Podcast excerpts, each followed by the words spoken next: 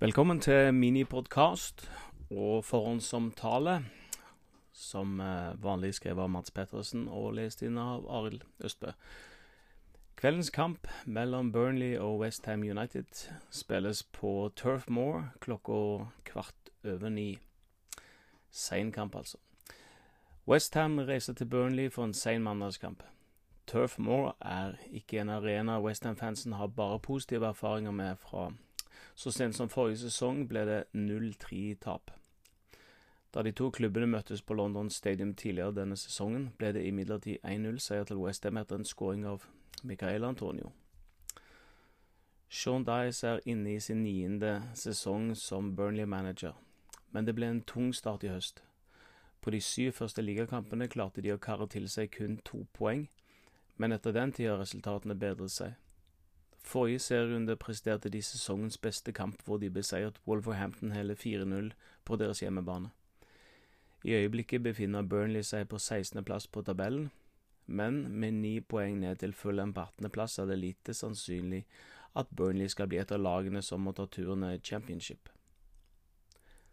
En av klubbens viktigste spillere er keeper Nick Pope. Han er en av de tre målvaktene som forventes å være med i Englands EM-tropp til sommeren. Pope har vært skadet en periode, men var tilbake mellom stengene mot Wolves sist helg. Foruten Pope er klubbens to stoppere Ben Mee og James Tarkovsky viktige for Sean Dice. Tarkovsky var en spiller som var sterkt linket til Westham før denne sesongen, men prisen ble så høy at stopperen ble igjen i Burnley. Lenger fram på banen er Dwight McNeil sentral med sine finter og innlegg fra venstrekanten, mens Chris Wood er klubbens toppskårer og er eh, i storform helt på topp. Wood skåret like godt hat trick forrige omgang mot Wolves sist, og når vi vet at um, Wood har en lei tendens til å skåre mål mot nettopp Westham, sier det seg selv at Ogbonna og co. må passe ekstra godt på Chris Wood mandag kveld. Burnley har ikke de store skadeproblemene nå, nå som Pope er tilbake.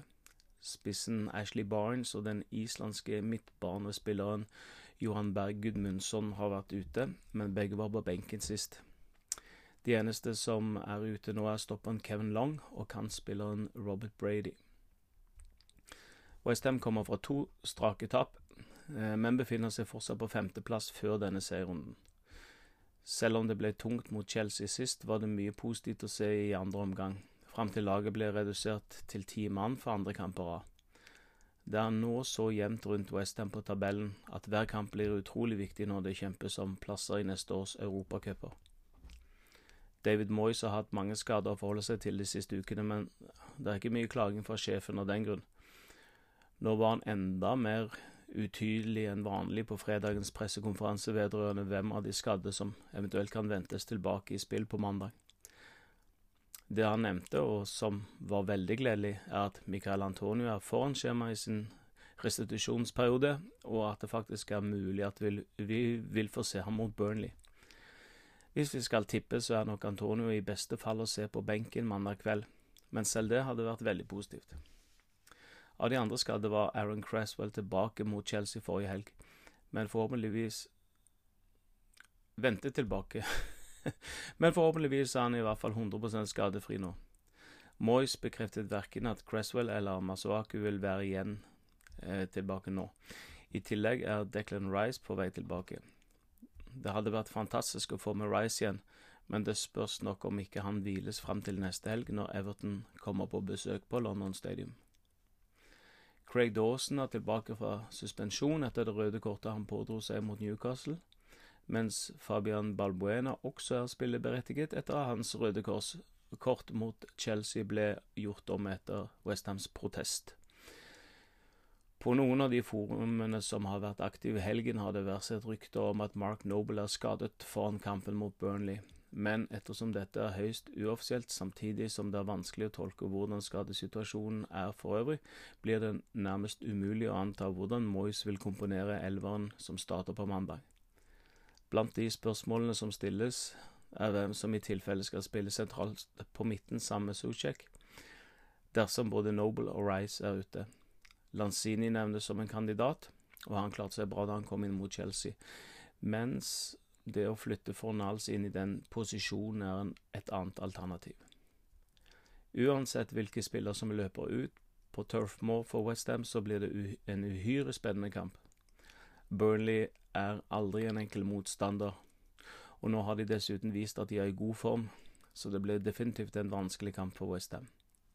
Om det skal bli med poeng tilbake til London for denne kampen, er vi nok avhengig av at det blir en kamp uten de store personlige feilene, og at vi unngår rødt kort på en av Westhams spillere denne gangen. Dette blir garantert en slit slitekamp, og da må vi ha elleve spillere på banen i 90 minutter pluss tilleggstid. Her er alt å spille for. Det er kun fire runder igjen etter denne kampen, og Westham er fortsatt med i kampen om de gjeveste plasseringene. En fantastisk sesong nærmer seg slutten, og forhåpentligvis vil avslutningen stå i stil med sesongen for øvrig. Come on, you irons!